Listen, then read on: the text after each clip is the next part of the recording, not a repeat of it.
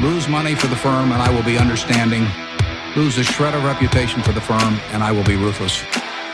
I welcome your questions.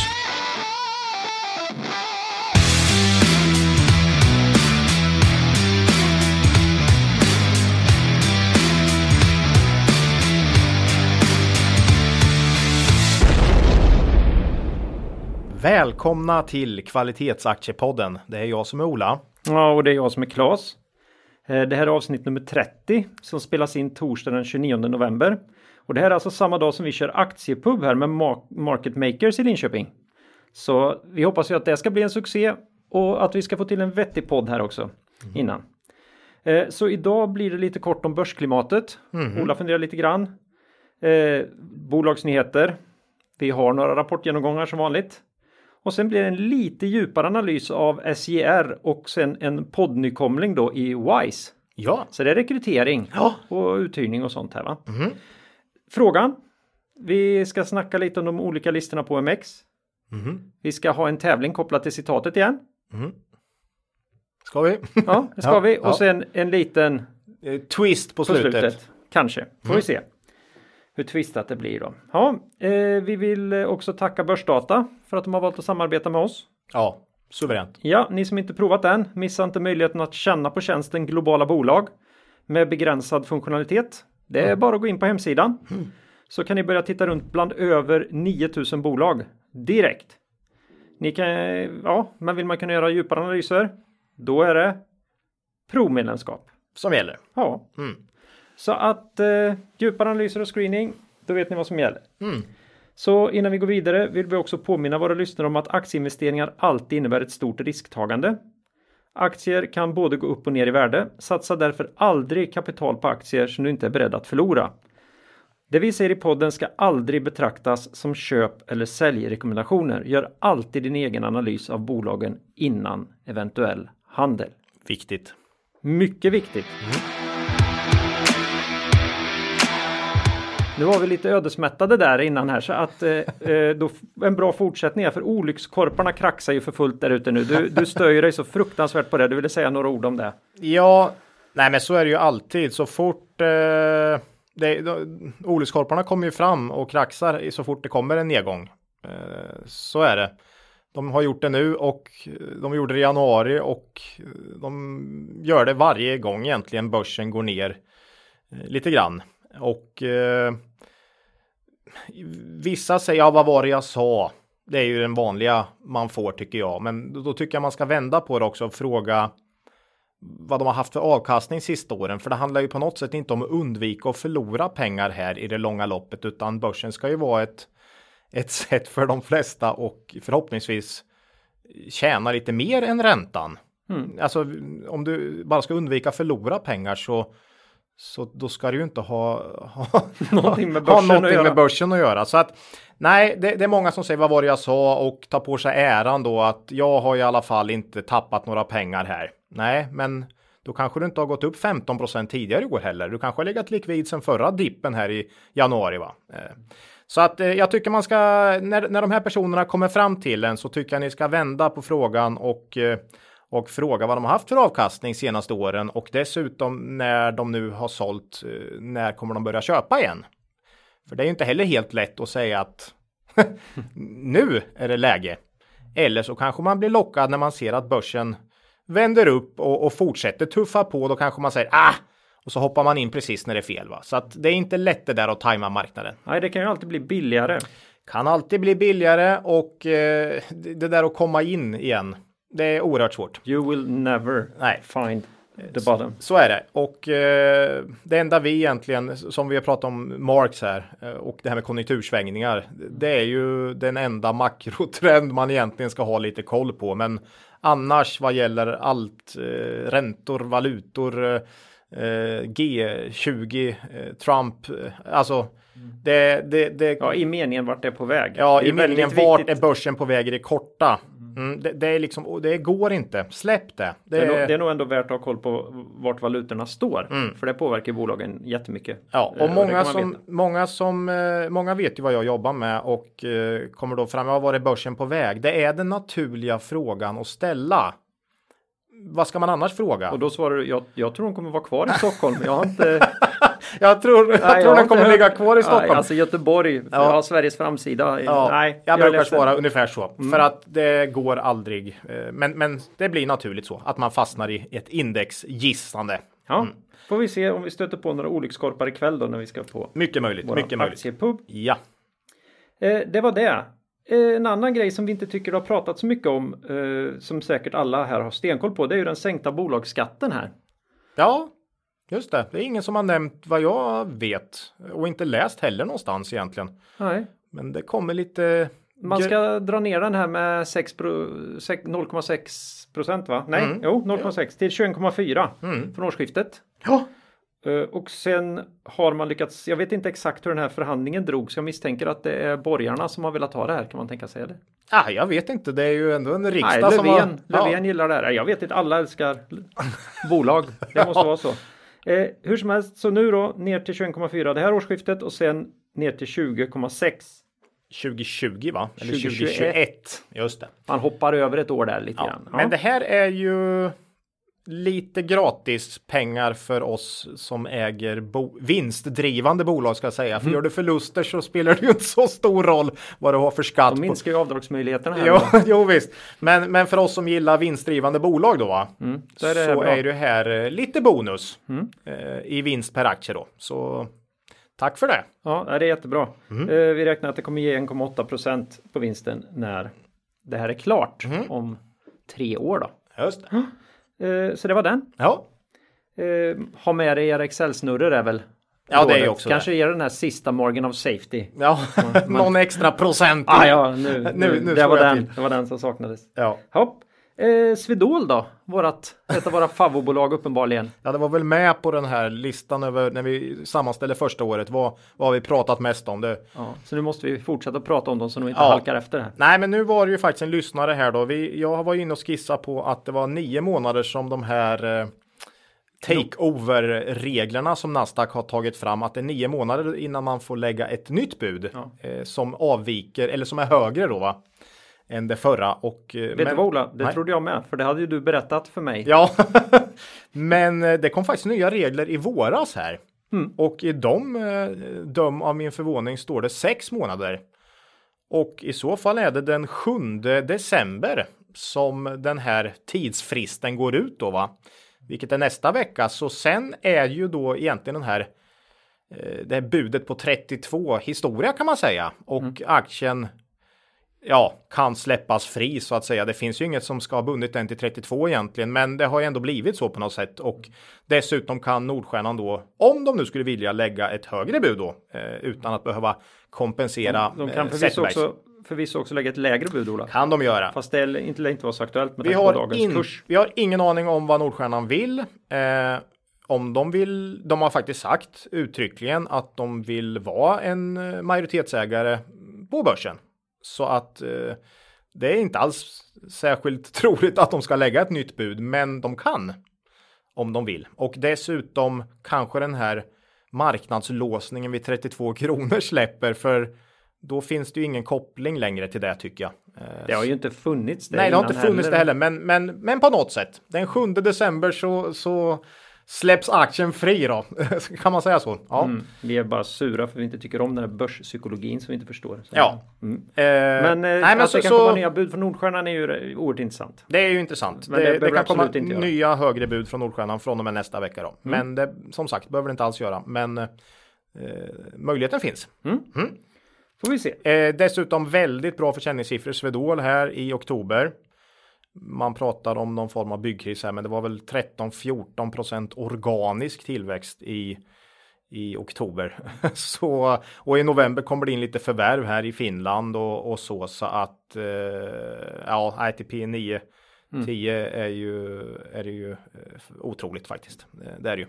Jag tror lyssnarna känner till att vi har en liten Ja, ja. allt för liten post i det här bolaget. Nej. Det ska vi nog vara väldigt transparenta med här. Och det har vi haft och den har väl egentligen stått stilla under året ungefär. Men eh, nej, vi tänker ju inte släppa den så länge bolaget går så här bra och eh, utvecklas så här fint och är så här lågt värderade. Absolut inte. Och eh, ja, Ja, det är bara att eh, ha tålamod. ja Mm. så är det.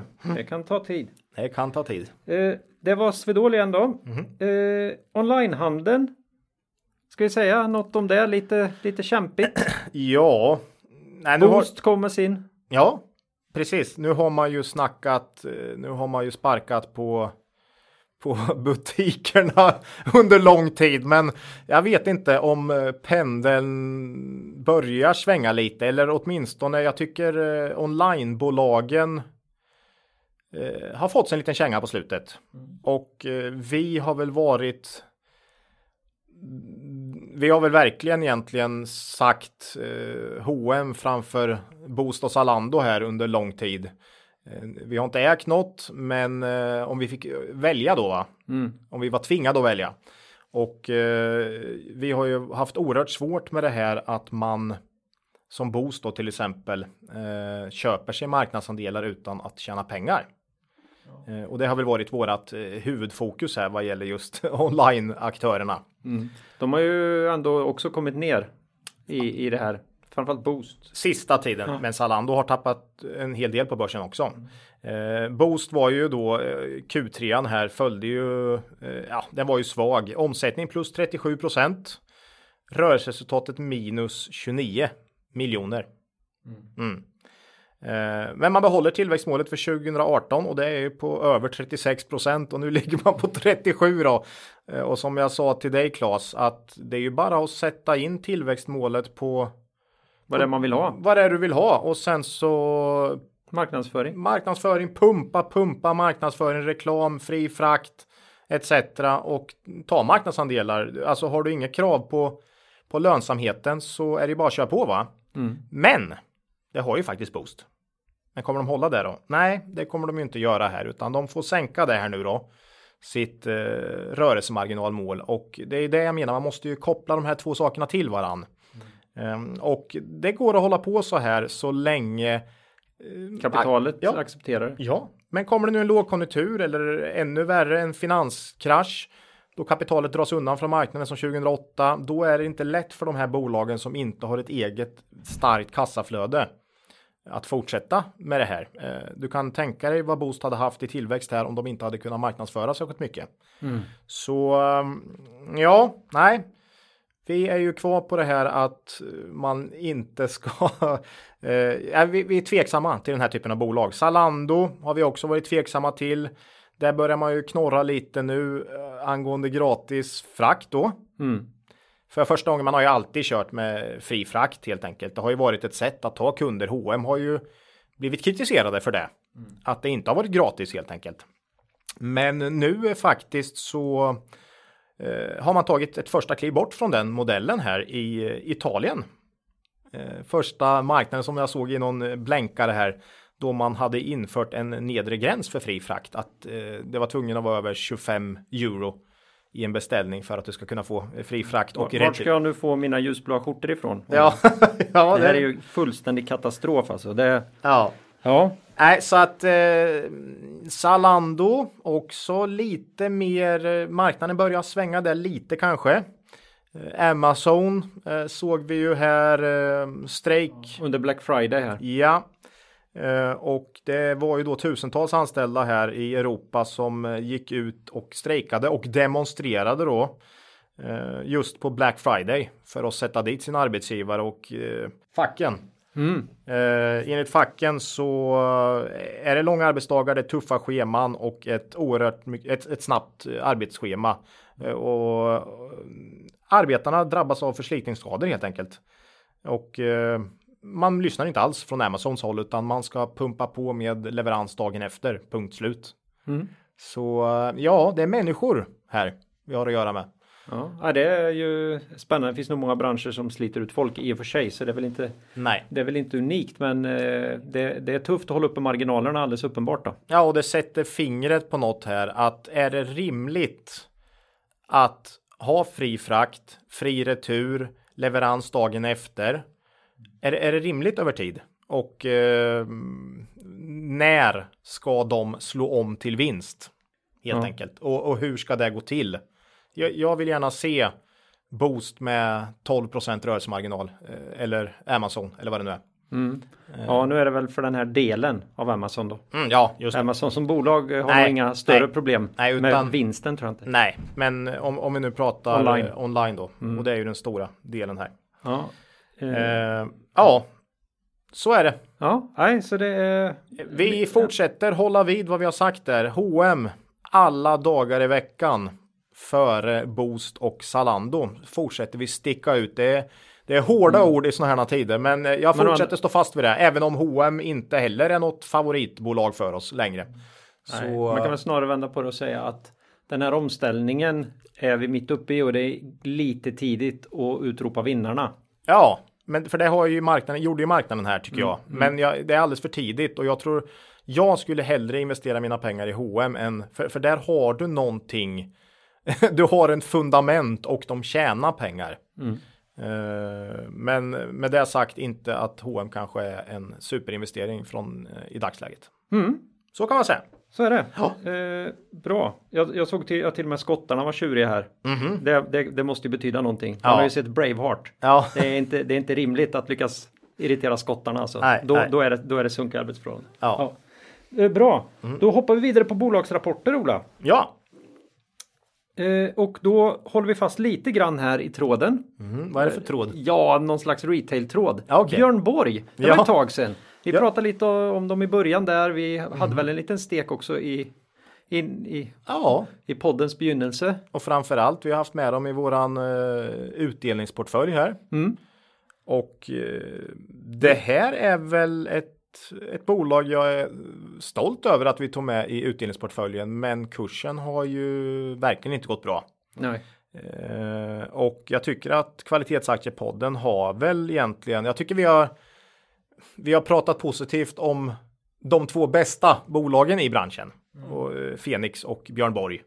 Och de eh, så här långt i år har verkligen gått bäst.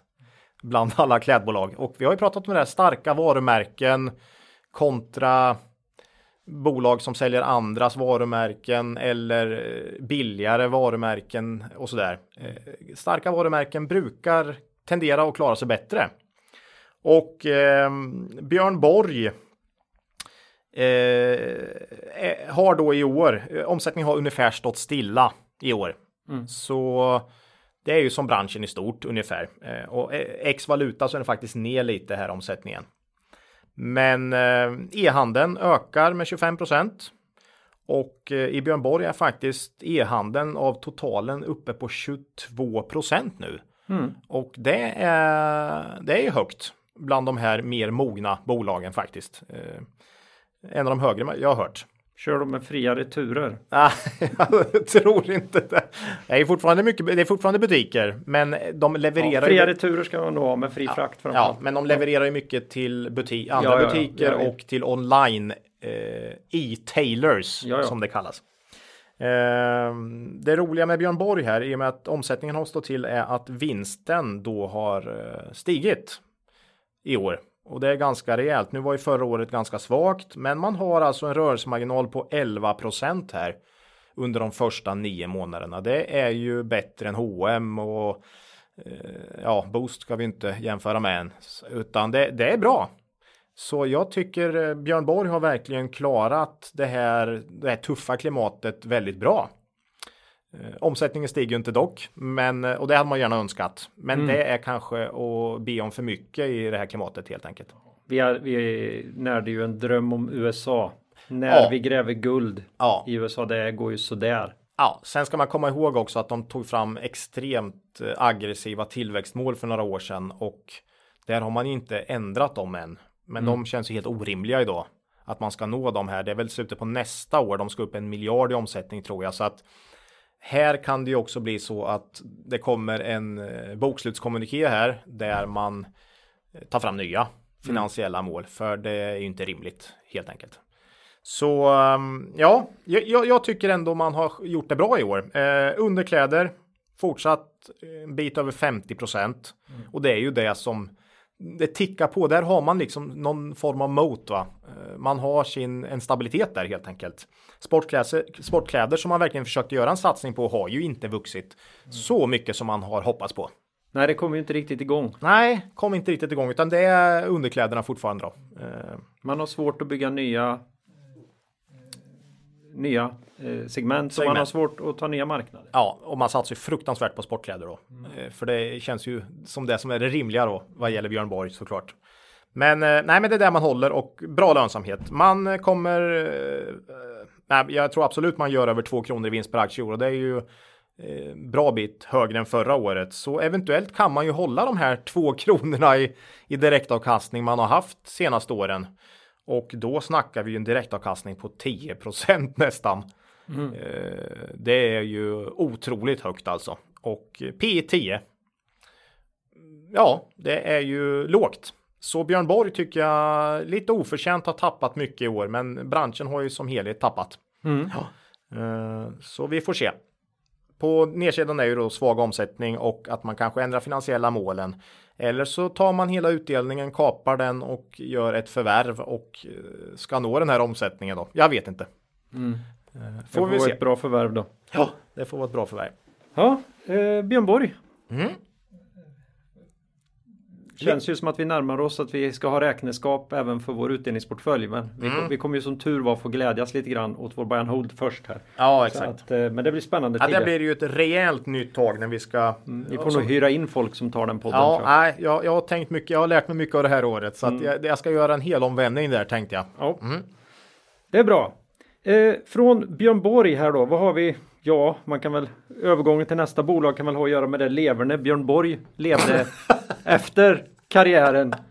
Eh, Ja. Jag tänker på Kopparbergs. Ja, Eh, och då var min eh, lilla ingång på den. Det svider att sälja cider? Frågetecken. Är det, är det tuffa tider eller hur ser det ut? På, Ja. på ytan ser ju rapporten bra ut senast här. ja, det var ju en av gårdagens förlorare här då, Kopparbergs och. Eh, nej, jag kände väl med tanke på vad man skrev i somras då från bolaget och det man har läst att den här sommaren har ju varit helt makalös eh, för det här segmentet. Öl och cider. Det har varit varmt, fint väder och det är fotbolls-VM och eh, eh, badtemperaturer. Mm. Men omsättningen då bara plus 6% här i Q3. Det var ju en Och, och det är mot jättelätta jämförelsetal. lätta jämförelsetal i Q3 förra året. Så att äh, det var en rejäl besvikelse faktiskt tycker jag. Eh, Kopparbergs och eh, nej, med tanke på de här klockrena för, förutsättningarna så tycker jag det borde ha gett mer avtryck i försäljningen. Ebit plus 18 procent. Eh, ja, men då ska man komma ihåg att förra årets Q3 då sjönk vinsten med 50 procent, så det var det var lätta jämförelsetal. Eh, man skriver, man förbereder för Brexit och eh, man lägger mer kostnader då helt enkelt i UK. Och man tappar upp mer sidor och så i UK. Så jag, vet inte om den här Brexit egentligen kommer påverka dem så där extremt mycket med tanke på att man för, förbereder inför det här då. Ja, det är väl det att eh, om britterna blir superfattiga då har de inte råd att köpa cider. Vet du. Så är det. Så det behöver... Pre Det, premiumcider som de säger. ja, jo. Det blir ju så här billig. Ja, burkarna ser ju verkligen premium ut. Jag fattar inte det. Men de har något på butelj såg jag. Eh, Ja. Jag tror det är samma sak fast på butelj. Nej, nu var jag taskig. Men är det, är det så? Är det samma sak i burkarna och i glasflaskorna? Och glasflaskorna är premium och burkarna är... Jag vet inte, jag smakar lika tycker jag. Ja, ja. Det känns ju så. Alltså. Eh, Ja. ja, nej men så att ehm, Brexit, jag vet inte. Kanske inte riktigt samma orosmoment som eh, sist vi pratade om Kopparbergs. Man, kanske, man, man jobbar på det helt enkelt. Det finns ju också alltid en risk att pundet åker ner i källaren. Ja, det finns det ju definitivt. Eh, Men då om man har kostnader i pund också så, så jämnar man ut det lite då va. Eh, Jag tror man kanske kan komma upp i 10 kronor i vinst per aktie i år. Mm, Ah, inte riktigt, men strax under. Och då är det P17. Så det är fortfarande inte så där eh, billigt direkt. Eh, Eller det är absolut inte billigt. Eh, det har ju varit ett tillväxtbolag, en fantastisk tillväxtresa, men senaste tre åren så har ju omsättningen i princip stått stilla här så att eh, ja, ska det värderas som ett extremt tillväxtbolag läng- nu då? Det kan man ju fråga sig och vinsten var faktiskt högre både 2015 och 2016. Eh, ja, Brexit-oron har, näst, har, har lagt sig lite för mig här. Eh, jag tror man kan. eh, jag tror man kan kompensera lite för det med att tillverka en del i Storbritannien och så. Men jag är mer orolig för den långsiktiga tillväxten här. Eh, s- var är Kopparbergs på väg där? Är det ett tillväxtbolag eller är det ett eh, bolag som inte växer längre? Det är min stora eh, oro. Och eh, då om det, om det inte kommer växa med de här 10, 15, 20 procenten framåt, då ska det ju inte ha en premiumvärdering så att säga tycker jag. Eh, så att ja, lite tufft för Kopparbergs. Mm. Så är det. Svårt att leva upp till sådana kostymer. Det är inte alltid man har fått beställa dem själv så att säga. Nej, så är det också. Så är det också. Börsen har höga förväntningar. Ja, eh, och eh, ja, som sagt, nu är det november och ciderkonsumtionen kanske inte är den bästa. Nej. Eh, dags för ett annat av våra innehav då. Kan jag säga direkt här. Vi har pratat om dem många gånger förut. Kommer inte ihåg hur många gånger. Men Enea. Eh, har ju hört från säkra källor att man kan se det lite som Ericsson. Fast mjukvara. Och jättemycket mindre. Ja, alltså. Nej, vi fick ju frågan här från någon lyssnare. Varför har ni inte kommenterat Enia här efter Q3? Då sa jag att ja, det är så mycket bolag man går igenom, men eh, vi gör det för vi var dessutom uppe och eh, lyssnade på ledningen här när de höll en presentation och hade möjligheten att träffa Hos Redeye Tech Day. Red Eye Tech Day precis och vi hade möjlighet att på tu man hand prata med dem också. Eh, Superbra arrange- arrangemang. faktiskt. Ja, mm. Så eh, ja, vi, vi, vi tar en snabb genomgång av Enias Q3 här då och eh, lite framåt. Ehm, väldigt stark Q3. Omsättningen plus 44 procent. Rörelseresultatet steg med mer än så.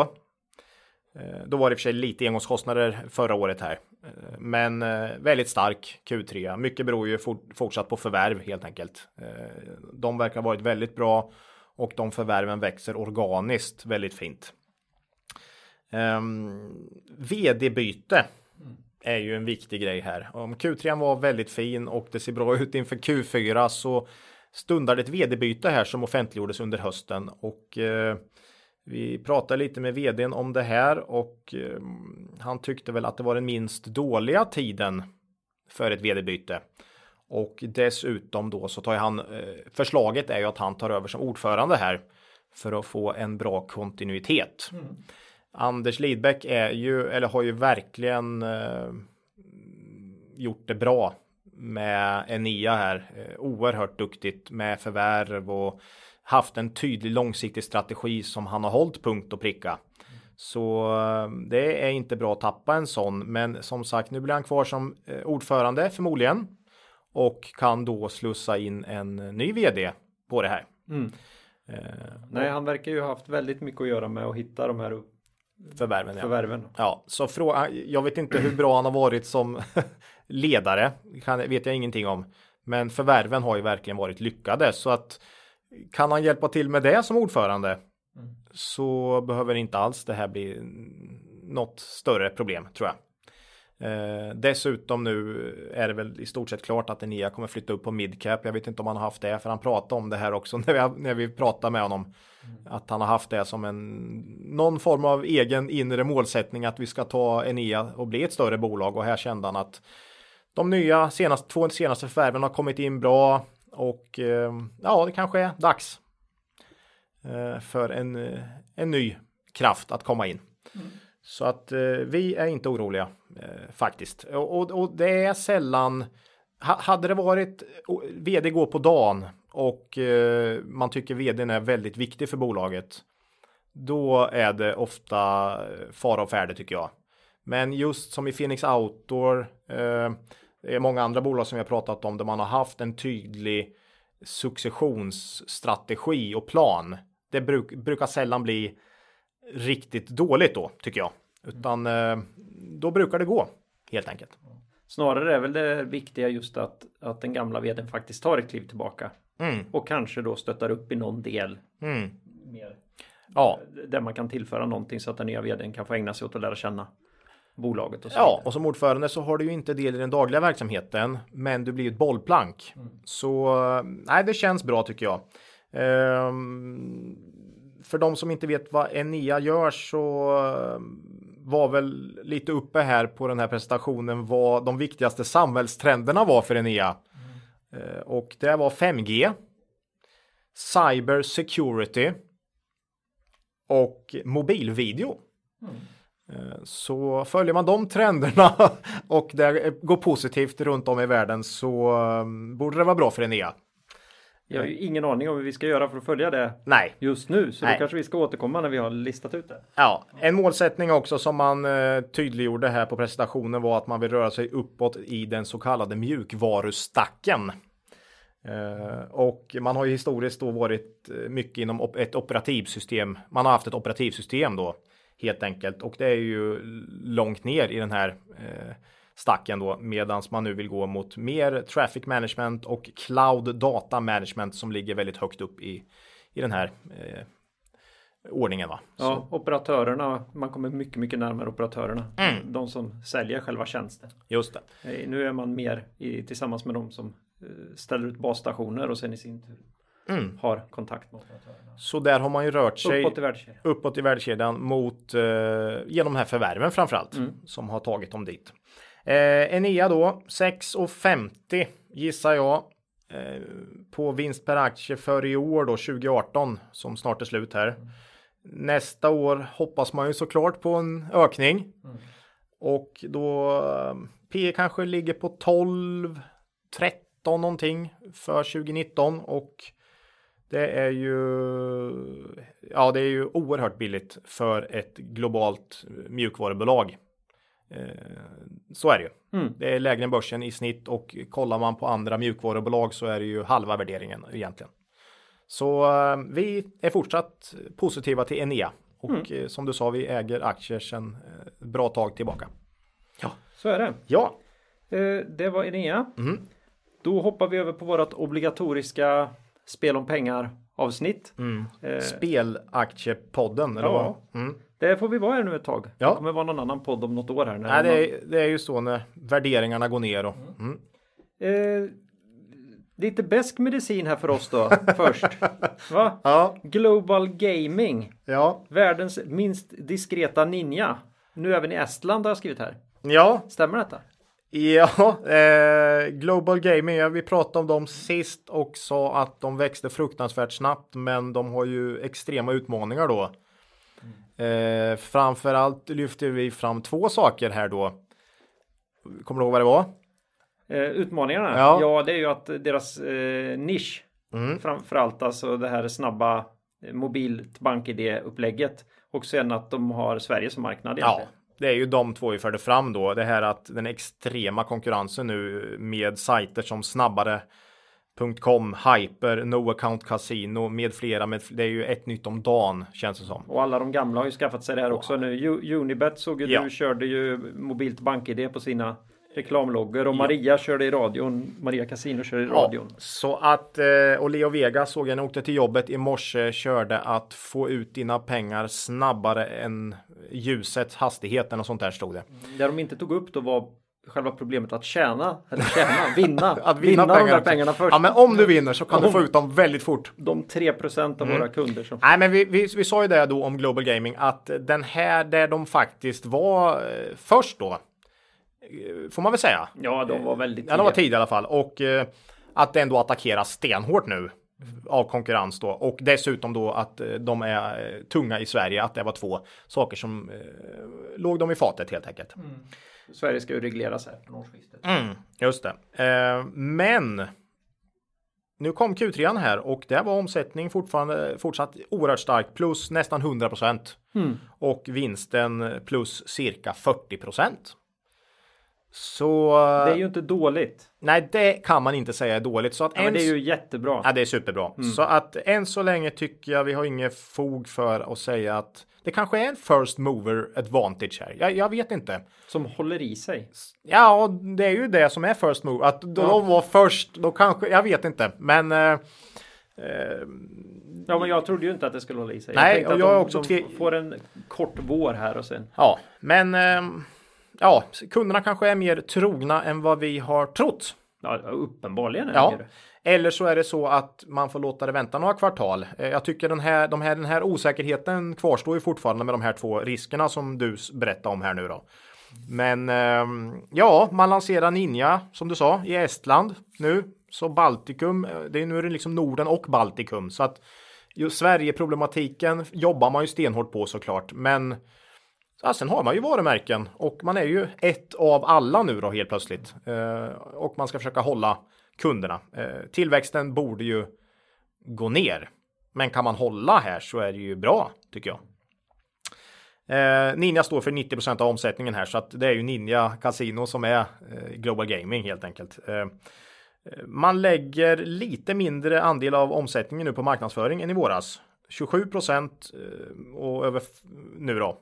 Och första halvåret så var det över 30.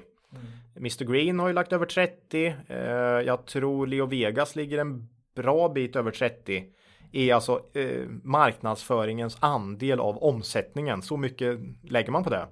Så Ninja är inte extremt här. Absolut inte. Men jag är väldigt kluven inför deras reklam. Ja. jag tycker den är så fruktansvärt lökig. Mm. Och det är förmodligen meningen ju. För jag kommer ihåg skiten då ju. Ja, kan vara. Det kom ju åt mig va? Kan vara. Kan ja, vara. Det är tungt. Men ja. så är det. Eh, ja, Eh, går man ner då på sista raden här så trots en eh, rusning här då i aktien på över 50% senaste månaden så är det trots allt bara P10 här. Mm. På redovisad vinst. Mm. Så här handlar... Nej, det är ju det här bettet fortfarande. Marknaden vet inte. Nej, det, men, men, men, det är intressant att kursen kan gå upp 50% och då är ändå exakt samma mm. case här. Svinbilligt, men det var P7 då Eh, innan eller något sånt. Mm. Men nu har man levererat ytterligare ett bra kvartal här och kursen har gått upp så det är fortfarande billigt. Men ja, det är eh, precis samma som sist. Man har nettokassa på 200 miljoner. Mm. Eh, summa summarum, riskerna som vi ser det kvarstår. Men eh, värderingen är låg och än så länge har man inte sett några, någon genomklappning. Så ja. Nej, jag böjer på nacken och erkänner villigt att jag har mer att lära om den här branschen. Det kan mm. jag säga. Ja. Det är mycket imponerande gjort. Av, av med hatten får vi säga ja, än så länge. Eh, får vi följa upp kommande kvartal här. Mm. Se hur det går för dem. Global Gaming. Ja. 555. 555 heter de där? Ja, jag tror det. Just det. Ja, mm. det lägger till lite. Ja, borde, borde stå här på Små mitt papper. Ja. Jag vet inte vad jag håller på med. Mm. Eh, det var dem. Ja. tar vi nästa då. Det blev bara två i spelsvängen idag. Här är det ju en definitivt mindre aktör. Eh, på, ja, ja, kanske inte mindre i, än Global Gaming. Nej, men nej. på marknaden också. Ja, eh, vi pratat om dem, ja, det var några avsnitt sedan, Netgaming. Netgaming. Och det här är ju ett affiliate-bolag och som, som kör olika sajter på nätet då va? Mm. Så deras idé är att du väljer speloperatör, de får pengar. Ja, mm. så är det. Eh, de flesta har väl här då hört talas om Catena Media tror jag. Mm.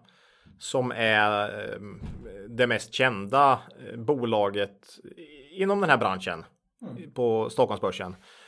Och det handlar ju om att slussa då helt enkelt kunder till till eh, slutkunderna. Ja, till operatörerna. Till operatörerna, Betsson och vad det nu är. Det är massor här. Netgaming finns i 30 länder. Så det är ju, det är ju utspritt mm. helt enkelt. Eh, man har till skillnad mot Catena då eh, en större andel CPA. Alltså man får betalt i förskott när man en liten tick per kund man slussar då vidare till operatörerna. Mm. Uh, och uh, där har ju Catena Media den andra intäktsbiten RevShare då vinstdelning när de väl börjar generera intäkter till de här operatörerna. Eh, I Netgaming så är det 70% CPA och 30 RevShare. Så, eh, och RevShare har faktiskt gått upp från 17% förra året, så det, man, man ökar andelen RevShare helt enkelt. Eh, vi, vi gillar ju RevShare. Ja, egentligen gör man ju det, men samtidigt, det är ju lite skönt med både och. Skulle jag säga, men. Om du desperat behöver pengar nu. Ja, så är det. Så är det. Då kan det vara bättre, men i det långa loppet så är ju RevShare ofta väldigt bra. Ja, du får ju en helt annan. Du får ju en del av mm. operatörens verksamhet. Ja, ja, ja, så att det är väl bra. Jag, jag, jag, gillar eller vi gillar att de ökar den andelen helt klart. Så är det. Eh, man har 90% inom kasino, så det är ju mycket kasino här. Eh, är det ju på de här 30 marknaderna. Man har 73% i Europa, 23% Nordamerika. Så det här är väl ett av de riktiga, eller kanske det starkaste bettet inom iGaming här mot just USA. Skulle jag säga. Och man växer extremt snabbt där, över 100 då eh, nu i Q3. Mm. Men man är ganska liten. Men... Man är ganska liten, men 23. Då är det också möjligt att växa. Ja, 23% av eh, Netgaming är, kommer från Nordamerika nu då, helt enkelt. Omsättningen i eh, Q3 steg med 28 procent. Ebitda ökade ungefär lika mycket. Organisk tillväxt 21. Så det var inte mycket förvärv där. Eh, fin organisk tillväxt. Eh, och man mäter sig mycket på hur många deponerande kunder man har då, nya deponerande kunder och de ökade med 35 procent. så det ser bra ut underliggande. Vinst per aktie. Om vi tar vinst efter skatt senaste fyra kvartalen så var den 85 miljoner. Fördelat på 75 miljoner aktier så blir det 1,12 då i vinst per aktie. Mm. Och då hamnar vi ungefär på P9. Kanske 10, jag vet inte vad, exakt vad kursen står idag. Jag tror den var upp lite här när vi gick in i studion, men strax under 10. Mm. Och eh, då ska man jämföra med Catena Media som förvisso är större då. Men där har du ju P20 va? Så det är ju det är ju... Man har lite olika förväntningar på de här bolagen. Ja, och vi gillar ju när förväntningarna eh, ofta är lite lägre. Mm. Det är ju väldigt bra. Eh, balansräkningen är problemet här. Tycker vi i dagsläget och precis som Catena har man eh, en hel del skulder och eh, man har en tydlig målsättning att eh, få ner den här eh, skulden och man hoppas sikta på att vara skuldfria 2020. och det går åt rätt håll. Nettoskulden genom ebitda sjönk till 2,3 i Q3. Och där har vi sagt att vi brukar säga en gräns på 2-3 någonting. Mm. Så de man ligger där. Eh, det är inom, felmargin, inom, inom gränsen tycker jag, eller precis på gränsen kan man säga. Men man jobbar på det och eh, Catena Media har ju högre eh, skuldsättning faktiskt. Ja, men de här kassaflödena, om de kan hålla dem så mm. kan det ju skulden fort. Ja, så länge det inte är kassaflöden som man brukar Nej, säga. Mm. de kassaflödena ska vi Um, en fin grej tycker jag som bör lyftas fram är att man har det övergripande finansiella målet att öka vinsten per aktie. Vi har ju sagt det här några gånger. Ja, vi tar det igen. Vi, vi tar det igen. det är så oerhört få bolag som har det ändå. Jag tycker fler borde ha det faktiskt. Eh, så, och det ska öka med i snitt 20 då per år. Mm. Så det är ju mumma. Eh, Ja. Men då är frågan varför, varför har vi inte alla våra pengar i det här? Vi har ju lite, lite aktier. Vi har ja, vi mindre har... än en procent av vårt kapital. Ja, men vi har lite aktier här. Ja. Men det är ju för att eh, som vi ser det så finns det alldeles för lite historik. Ja, det finns. Det, är li... det vart ett nytt bolag då. För några år sedan när man ja. köpte något jättestort bolag här då. Ja, så att eh, ja. Eh, så det ska vi vara väldigt ärliga med. Mm. Det här är ju inte ett normalt Nej, vi har, det är inte som när vi pratar Enea direkt. Enea eller Swedol eller Kabe med 20 års eh, historik här, utan det är, det är, det är ungt. Så att, eh, men, men, men, ju, men, intressant, mycket det intressant. Det ser jätteintressant ut. Ja, ja.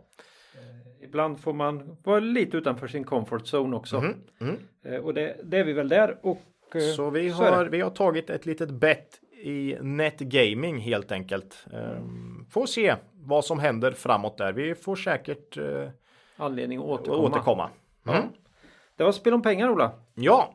Då har vi liksom avslutningen då på det här uh, bolagssvepet och vi ska ju som vanligt få in ett nytt bolag också. Mm. Och då gör du lite heads up här. Ja, lite så. Mellan SJR In Scandinavia AB. Mm. Det är ju liksom en värdig konkurrent till Sarsys ASFD på jäkligt usla bolagsnamn och de tycker vi om.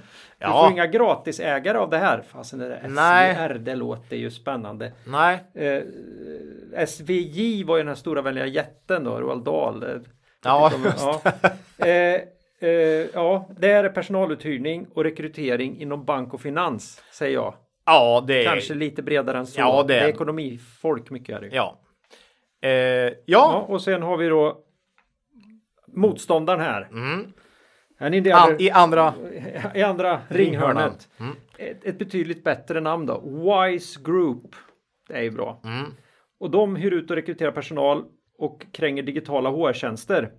De är ju ett sånt här koncernbolag då som har sju dotterbolag och de har 12 varumärken då. Där de gör det här.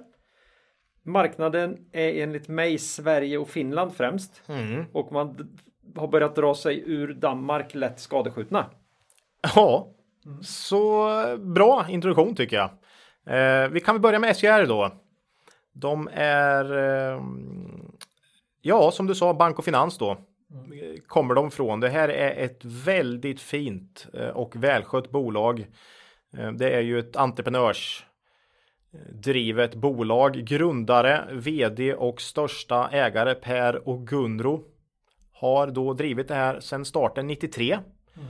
Då jobbade han på Götabanken och under bank, det var ju Ben, Bengt Dennis där då, Dennispaketet och Räntan var 500 procent. kronan f- flöt fritt och sådär. Eh, Då blev många bankanställda av med jobbet helt enkelt. En Det chock. händer ju till och från att just banksektorn blir... Jag som är uppvuxen på landet kommer ihåg när de åkte runt och, och fotar lokaltidningarna. Den här ladan värderades till exempel för någon som hade fått låna på någon gammal jäkla hölada liksom. Ja. Det var ju galna, det var ju galna tider alltså när det där. ja. Det var ju en fastighetskris på riktigt. Liksom. Ja, eh, Fy. så, så var det ju. Och det var ju framförallt Sverige. Ja, det var inte samma sätt glob utan Sverige hade ju en extrem fastighetskris då. Eh, många bankanställda blev av med jobbet och eh, eh, vad jag har läst då för att, liksom för att hitta eh, jobb till, polar, till eh, sina kollegor helt enkelt så började han med någon typ av bemanningstjänst då. va? För att matcha ihop eh, banker och bankanställda helt Ofta enkelt. drar igen. man ju ner lite för mycket i sådana tider. Sen Ja. ganska snart så dyker det upp ett behov av att ha folk som gör saker. Mm. Allting dog ju inte som man trodde då. Nej, och på den tiden fanns det ju kontor också och sådär. Eh, Så ja, så började sagan. Och det har varit en eh, fantastisk eh, framgångssaga får man säga. Eh, om vi då tar de sista tio åren så har omsättningen vuxit med över 10% per år i snitt och lönsamheten har varit väldigt stabil och fin. Runt 10 då. Förutom finanskrisen såklart, då marginalen sjönk betänkligt. Eh, Och det kan ju inte vara lätt med bemanning och rekrytering mot ekonomi, bank och finans under brinnande finanskris. Det, det förstår man ju. Så här är väl den stora faran just en finanskris helt enkelt, eller någon form av bankkris helt Ja, ja. enkelt. Det är ju risken. Annars så har det här tuffat på med oerhörd stabilitet faktiskt. Ehm, ja, man är cirka 500 anställda Eh, och jag tycker att man bör kunna växa ytterligare. Eh, utan man brukar säga det att det är lätt att växa som konsult från små tal, men sen krävs det lite mer när du kommer upp i antal anställda, för du ska ju addera en anställd hela tiden för att växa. Va? Eh, man har två ben här kan man säga. Uthyrning då 87% och sen rekrytering 13% och då hjälper man ju helt enkelt eh, företag, kunder med att få in rätt personal helt enkelt. Eh, rekryteringen är mer lönsamt så de kvartal då liksom rekryteringsandelen går upp lite så blir det lite bättre lönsamhet i SCR och, och sådär. Ehm, Jag har ju sett det där i vissa mig närstående bolag då när du lyckas få in folk på sådana här förtroendeposter som in, inhyrt. Då är ju inte en rekrytering långt borta sen kan man säga. nej, Det är liksom den ultimata provanställningen ofta för företagen och då, då har de ju redan från början spesat här att det kommer kosta en spänn kan, kan jag säga om du ska ta den här. Liksom. ja, ja, Och så ja, då gör ju bolaget det till slut för att vi vill inte bli av med den här nej. resursen. Nej, så är det ju. Så är det ju. Det är ju supersätt att marknadsföra eh, kompetensen. Så är det ju. Nu vet jag inte hur stor andel som är sånt och hur stor andel som är klassisk att de hjälper till med rekryteringar helt enkelt. Men ja, det måste finnas mycket när man håller på med den typen av nivå som de ändå är på.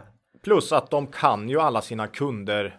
De har, måste ju ha jätteupparbetade relationer till alla finansbolag, banker och så där. I och med att man har funnits i sektorn under lång tid. Så man har ju en stor fördel där såklart. Um, under Q3 stod omsättningen i princip stilla. Vinsten minskade lite. Man satsar på lite nya områden nu faktiskt. IT bland annat är ett fokusområde och det här kost, kostar lite pengar faktiskt i det korta perspektivet nu. Man bygger liksom upp det.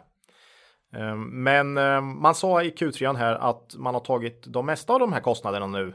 Så eh, det kanske kommer innebära något bättre lönsamhet framöver.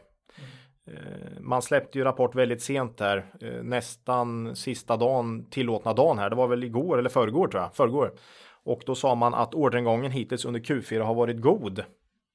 Och i och med att det redan har gått två månader av Q4 så borde man ju ha bra koll på det tycker jag. Mm. Och utsikterna ser goda ut säger man. Eh, värdering ska ju jämföras här med WISE lite senare. Men här har du P på ungefär 15 eh, lite högre än det historiska snittet faktiskt. Det har kanske legat på 13 ungefär senaste fem åren och ja, jag vet inte vad det ska värderas. Jag tycker kanske 13, 14 någonting. Eh, det är ju jättefint bolag, men du har lite problem i, i vissa eh, så att säga och du är ganska liten. Men jag tycker nog det ska ha 14 kanske. Mm. Så ungefär rätt värdering. Alltså, det är inom felmarginalen tycker jag. Ja. Och fin balansräkning. Man delar ut jättestor andel av vinsten. Man har ju en kapitalsnål verksamhet så att eh, man har en direktavkastning på 6,5 procent, 6-6,5 procent kanske. Och eh, jättestarkt såklart. Det här är ju en bra kandidat till eh, den här utdelningsportföljen vi vi ska försöka ja, plocka fram. Ja. Vi ska göra som i Hollywood, göra en reboot. En reboot ja. ja ta in en bättre skådis. Ja. Ja, eh, Ja, det var ju SJR då så här långt. Mm, fint bolag. Uh, ska vi då jämföra dem med uh, Wise här nu då? Ja. Ja. Koncernen. Koncernen, också ett bra bolag. Um, bättre tillväxthistorik än SJR, men sämre lönsamhetshistorik. Ehm, så här är omsättningen plus 24 procent i snitt per år över 10 år. Det är ju av med hatten för den alltså. Det är ju riktigt starkt.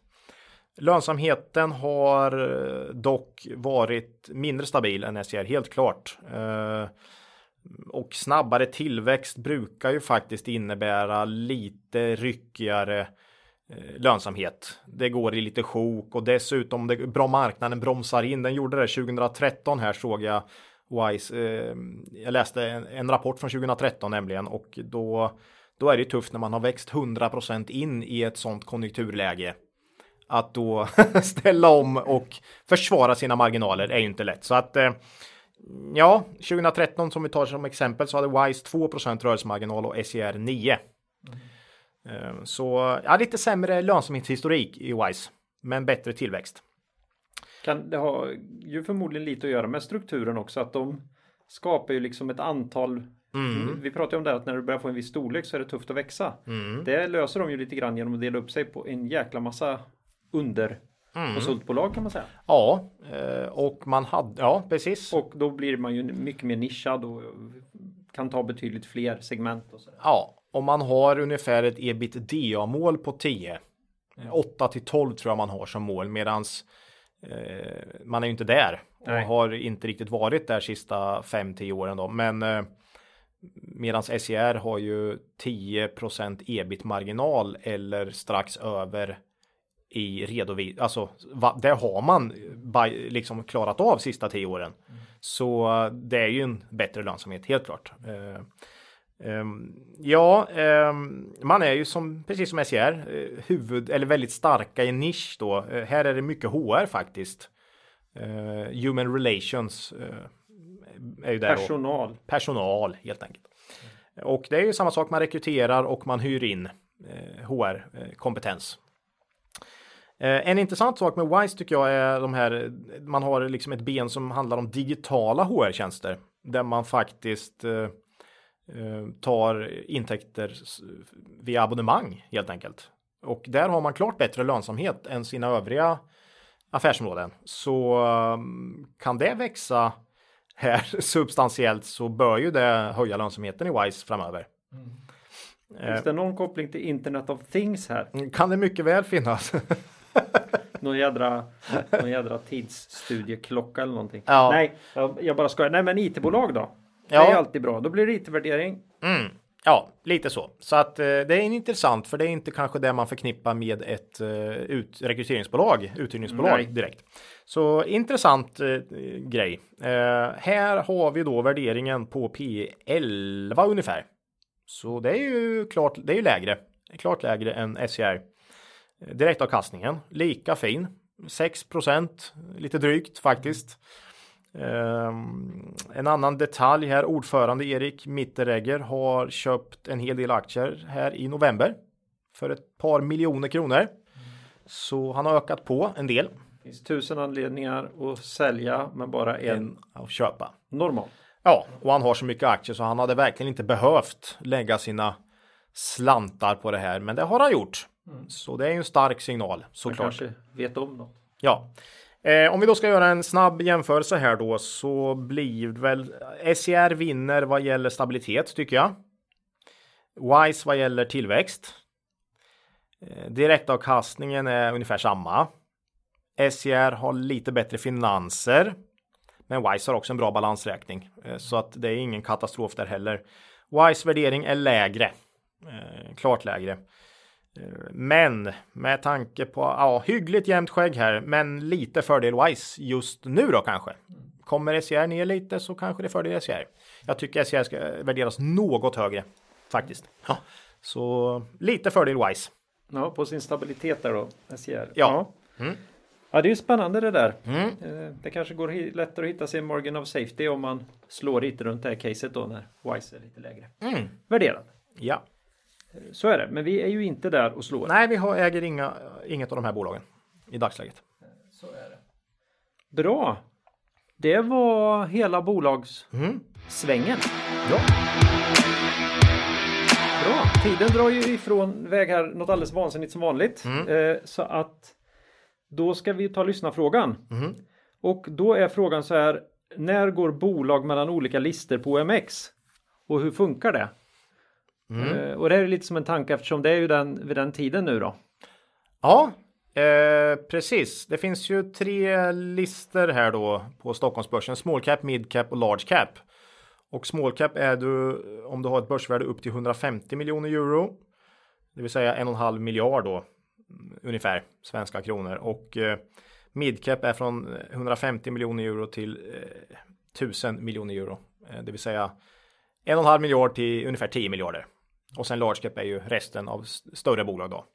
Över 10 miljarder alltså. Över 10 miljarder. Det är ju ändå lite pengar. Ja, Kan man säga. och eh, du flyttas mellan de här listorna då, men eh, med en viss fördröjning oftast. Eh, om november har man som någon form av eh, referensmånad då. Man kollar vad kursen har varit här under november och så ser man om eh, den, det börsvärdet då som, som bolaget har haft under november har varit mer än 50% över den, en gräns va? Så flyttas du upp till exempel. Säg att du är på small cap och har haft ett börsvärde 50% över en och en halv miljard då under hela november. Det har varit lättare att göra exemplet upp till large cap i huvudet Olav. Ja. Inser du nu när Ja. du började? Ja, men det blir väl, ja precis, Två- 2,25 va? Eller vad blir det? Ja, jag vågar knappt. Ja, Men det två- måste vara- 2,25. Ja, ja. 2,25. Mm, 2,25. Har, har du haft ett börsvärde över 2,25 miljarder då så flyttas du direkt upp till midcap. Men om eh, du ligger så att säga bara lite över så ska du ha två på varandra följande mätperioder då, två november i rad för att flyttas upp. Och anledningen till att man har den här fördröjningen är att 2008 så rasar ju alla bolag ner på listorna direkt då, för man hade inte den här gre- stoppet och när börskurserna totalt havererade så fanns det inga bolag kvar på de större listorna. Utan alla hamnade på small cap till slut då. Så eh, därför har man den här fördröjningen. Eh, ja, och man flyttas första januari baserat då på novembermätningen helt enkelt. Och eh, Varför är det då viktigt vilken lista man ligger på? Ja, eh, nej men det är ju någon form av, många säger så här, ja men lite rabatt bör den ju ha för dess eh, litenhet eller att det är ett litet bolag. Så desto större bolag, desto mer legitimt på något sätt. Det Eh, följer ofta med analytiker. Analytiker brukar ju börja följa bolag när de kommer upp på midcap ofta.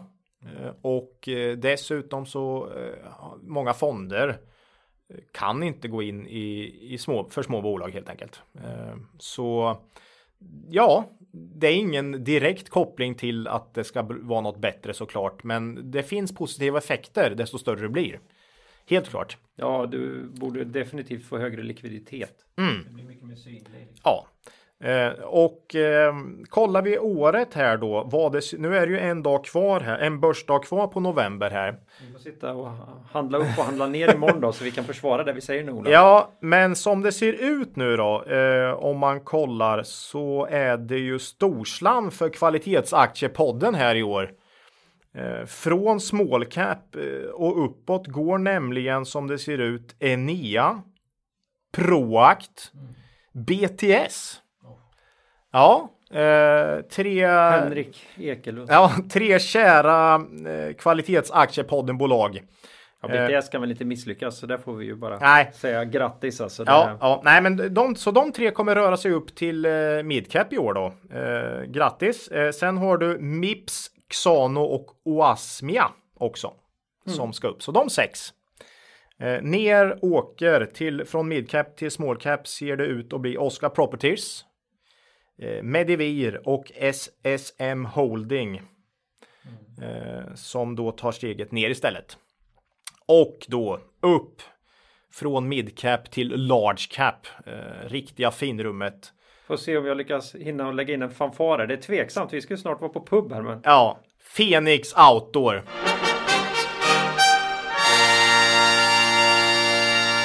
Ja. Eh, kvalitetsakiepoddens. Eh, vi tog väl det som vårt första bolag faktiskt tror jag. Och exempel. exempelbolag. På ett, på ett kvalitetsbolag. Ja, så eh, grattis. Även eh, Adtech, Nolato, Vitrolife och Beijer Ref ska upp på finlistan. Ner från large cap till, till mid cap, Collector, Leo Vegas och Fingerprint. Mm. Så jag såg att eh, Nolato går upp på den här två år i rad eh, regeln va. Det, det är ju På Ja, gränsen. det är på gränsen alltså. Ja, ja. Där, vi får se. Men de var uppe på 20 miljarder i börsvärde va? Och Ja. nu är det väl nere på 10 prick här va? Så att eh, ja, nej, de går upp på, på stabilitet här. Ja. ja. Ja, Nolato har vi pratat mycket om också i podden. Så att eh, nej, det får, det, vi får de bolag vi har pratat mycket om har verkligen eh, levererat bra här under året. De växer uppenbarligen. Ja, Ja, var, eh, så att det flytt från första januari. eh, och vi gråter uppenbarligen inte över det så att säga. Nej, Nej, det var frågan. Då hoppar vi raskt vidare till citatet Ola. Och idag är det något eh, unikt igen här. Det är tävling, citattävling. Vi ska ta ett citat om oro på börsen. Och det här tror vi eventuellt inte är ett riktigt citat utan bara en skön grej som Ola har fångat upp. Eh, så att jag, vi ska köra det. Och sen då så eh, vill vi ju veta, är det någon som kan hitta en källa till det här? Är det här ett riktigt citat? Eller är det något annat? ja, vi gjorde ju en snabb googling men hittade inget. Vi hittade ingenting. Det, mm, Så, så då kör vi citatet. Mm. När det är oroligt på börsen. ja, Rule number one. Don't panic. Rule number two. If panic. Panic first. Ja, det här är ju hu mycket humor i det här då. Eh, rule number one då, don't panic. Det är ju, det är ju ett sånt här klassiskt, fundamentalt bra, eh, en, en, ja, ett citat som verkligen håller va. Hela Liftarens guide till galaxen är ju uppbyggt kring, Ja, kring det alltså. ja, så få inte panik liksom, utan eh, ta det lugnt. Men rule number two här är ju på kulkontot här. Den är ju fantastisk i, i, i sin enkelhet. Eh, om du får panik va. Om du liksom, du ska inte få panik, men om du skulle få det, se till att få panik först då så att du hinner sälja före alla andra. Så det, är det är ett oerhört roligt citat. Jag hade för mig det var Buffett som hade sagt det i någon intervju någon Man gång. vill ju det, det är ju så ofta citat blir. Man lägger man tar ju något som låter kul och så lägger man det på någon. Ja. Man vill ju så gärna. Men ja, vi hittar inget. Nej, vi hittar Eh, ingenting. Så än så länge kan, eh, så är det Kvallepoddens citat. Vi, Ja, eller din, din polares citat, för jag har hört att du har fått det här från... En vän ja. Ja. Och vi söker upphovspersonen till det här. Först till kvarn får en the most important thing. Howard Marks. Ja, Tyvärr kommer vi även ha vanhelgat det här exet. Oj. Så det är en liten varning så att ni inte sliter ut er och tror att ni ska få eh, en, en, en, en, en, en, en hel, hel bok så att säga. Utan här, här Nej, det, kommer vi, det stå vi kommer signera lite olika där. små Ja. dumheter. Då. ja. Ja, eh, Hoppas ni Hoppas- hittar något, det vore jättekul. ja, liknande. Mm. Liknande upplägg som vi kan, kan beläggas. Mm. Eh, funkar lika bra. Mm. Så få inte panik. Nej. Det är viktigt. Eh, då är det dags att knyta upp säcken här. Mm. Efter ännu ett riktigt långt avsnitt. Och i år då kan vi säga så kommer tomten tidigt. Mm. Eh, redan vid Lucia då. Är vi Varför? tillbaka. Då är det nya Buy and Hold. Ja. Det här har du laddat för länge nu Ola. ja. Det är ett år sedan då ungefär vi tog fram våran eh, beryktade buy and hold portfölj här och eh, vi ska försöka följa upp den med tio nya eh, eller en ny portfölj med tio bolag ska vi säga. Det är ju en enorm risk att eh, några kommer tillbaka här kan man säga. Ja, det, förmodligen kommer några eh, följa med in i den nya portföljen, men garanterat en hel del nytt också. Så Mm. stay tuned för buy and hold nummer två då. Ja. Vill säga. Mm. Och vi får se, vi hittar ju säkert på, det blir ju något citat och lite, lite annat Ja, trams. ja. Men eh, det blir huvudnumret. I det Och avsnittet. sen så har det säkert hänt någonting Ja. på börsen också då. Mm. Eh, då ska vi se. Ni kan mejla oss Mm. på kontakt kvalitetsaktiepodden.se. Ni kan eh, kommentera inne på vår hemsida. Eh, eller Twitter är ju kul. Ja, Vi försöker, vi är ju sega, vi, har, vi är ju inte så snabba som alla som sitter med det där uppenbarligen nej. Vi försöker. hela tiden, men vi hoppar in ibland. Mhm. Så, så är det. Och slutligen Ola, har du något riktigt makro värt att ta upp idag? Nej, men jag, jag har funderat på en grej faktiskt. Jaha. Eh, ja. ja. Ja. vi har ju inte jättemycket tid, men vad, nej, vad hade du nej, tänkt då Ola? DI tog ju fram en skräckportfölj här igår, i gårdagens tidning såg jag. Så här riktigt dåliga bolag. Ja, typ. Eh, vi gillar ju igen, vi, alltså vi Sånt håller ju inte vi på med. nej, vi gillar ju inte det här med Negativa vinklingen. Nej, så eh, ja, vi, vi gillar ju inte det här med, med, med liksom folk som pratar om vad som är dåligt och vad du ska undvika, utan man är ju, man är ju liksom inte på börsen för att slippa förlora pengar som vi sa förut och eh, jag tycker det är bättre att prata liksom om bra tips på intressanta bolag. Eh, men vi ska ändå försöka på något sätt eh, göra något liknande, men vi vänder på det såklart. Och gör vad då Claes? Ja, jag misstänker nu att du tänker då ge Kvalitetsaktiepoddens fem bolag för folk som hatar sina pengar. Topp fem. topp fem. Ja, vi, vi, vi- tar inte de fem värsta här, utan vi tar topp fem då. Va? Eh, bolag för folk som hatar sina pengar. Ja men det är ju en stark trend nu. Folk ska flytta ut i skogen och Mm. leva nära naturen och återvinna gammal halm och sånt där. Så att det, det måste vara oerhört populärt. Många som känner att man vill downsiza rejält. ja, ja. Buffett brukar väl säga vad han säger. eh, how to become a, a millionaire. Be a billionaire and invest in a airplane company. ja, Jo men det är ju så. ja eh, så är det va. Japp. Eh, Men, ehm, Jaha, så- ja, men vi kör här. Det här kommer vara en av få gånger vi kommer prata bolag eh, som har lite problem. Okej, topp fem bolag för folk som hatar sina pengar då Ola. Mm. På femte plats. Anoto. Eh, 17 år med samma penna. Eh, Nu lanserar man tre stycken. Ja, eh, det är ju nästan en nyemission här per år då och eh, kursen har ju inte gått särskilt bra. Man funderar på vilka som investerar i den här nyemissionen. Vilka är tagarna? Ja, Det var väl senast i september nu de tog någon in nya pengar. f- företrädesemission. Ja.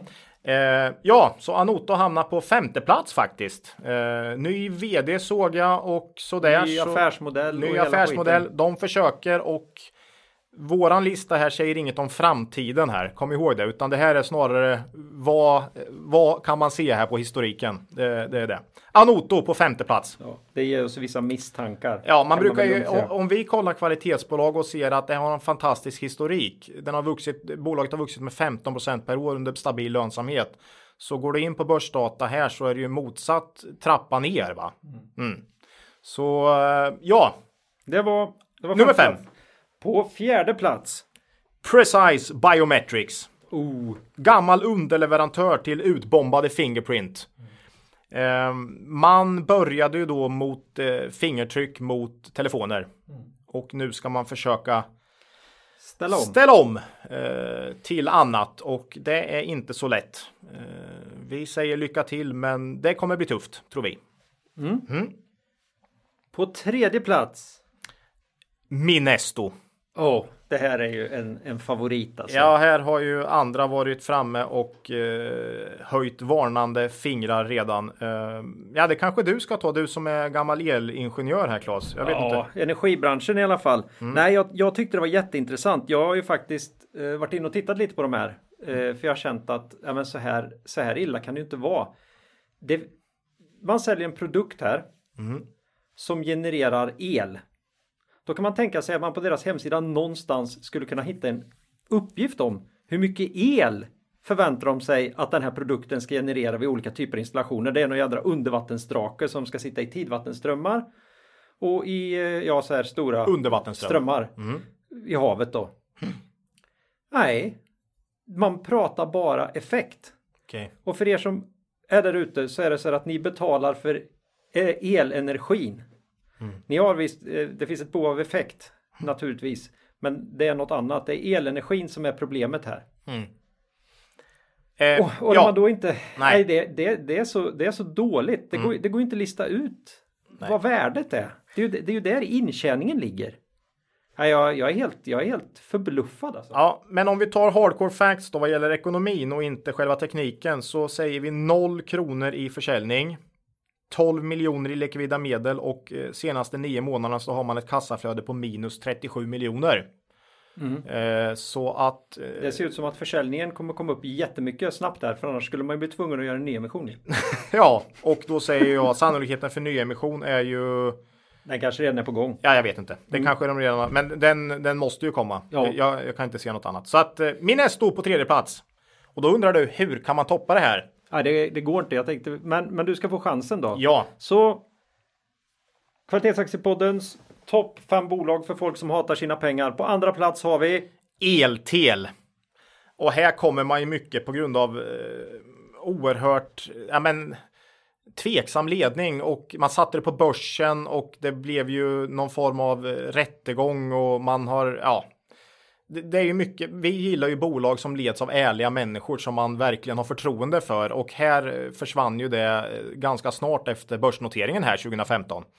Eh, men eltel kan man väl säga tickar alla boxar för oss, fast tvärtom då. Man har en kort och tveksam börshistorik. Omsättningen sjunker. Man gör förluster. Man har en stor nettoskuld och man förhandlar med banker om konvenanter. Det är liksom eh, tvärtom då kan man säga. Alla boxar allt det vi vill se ett bolag fast tvärtom. fast tvärtom. Ja, Ja, och hur ska vi då kunna toppa det? så riktigt bra eh, tips för de som in, inte vill ha kvar sina pengar tycker jag. var. ja. Då har vi på första plats Ola. Ja, Eniro. Ja, det är nästan hemskt. Det är nästan hemskt, men det här är ju mer på historiken då. Om man går in och kollar här från eh, 20, tidigt 2000-tal eh, så har det ju varit en veritabel slakt. Man kommer ju man kommer ju från en eh, som ett monopolföretag. Eh, telefonkataloger kommer du ihåg när de la utanför dörren? Eh, eller i Det gick ju inte att värja sig mot det där skiten. Nej, nej, och eh, nu ska man liksom ställa om det här till något nytt. Eh, Det är ju, det är ju alltid extremt svårt att ha monopol och hela basen för din verksamhet sopas bort. Alltså, det är inte så att de har miss... Alltså, det, är, här är snarare att marknaden har försvunnit tycker jag. Oerhört svårt. Ehm, och här passar ju den gamla klyschan, en aktie kan alltid gå ner med 100% till.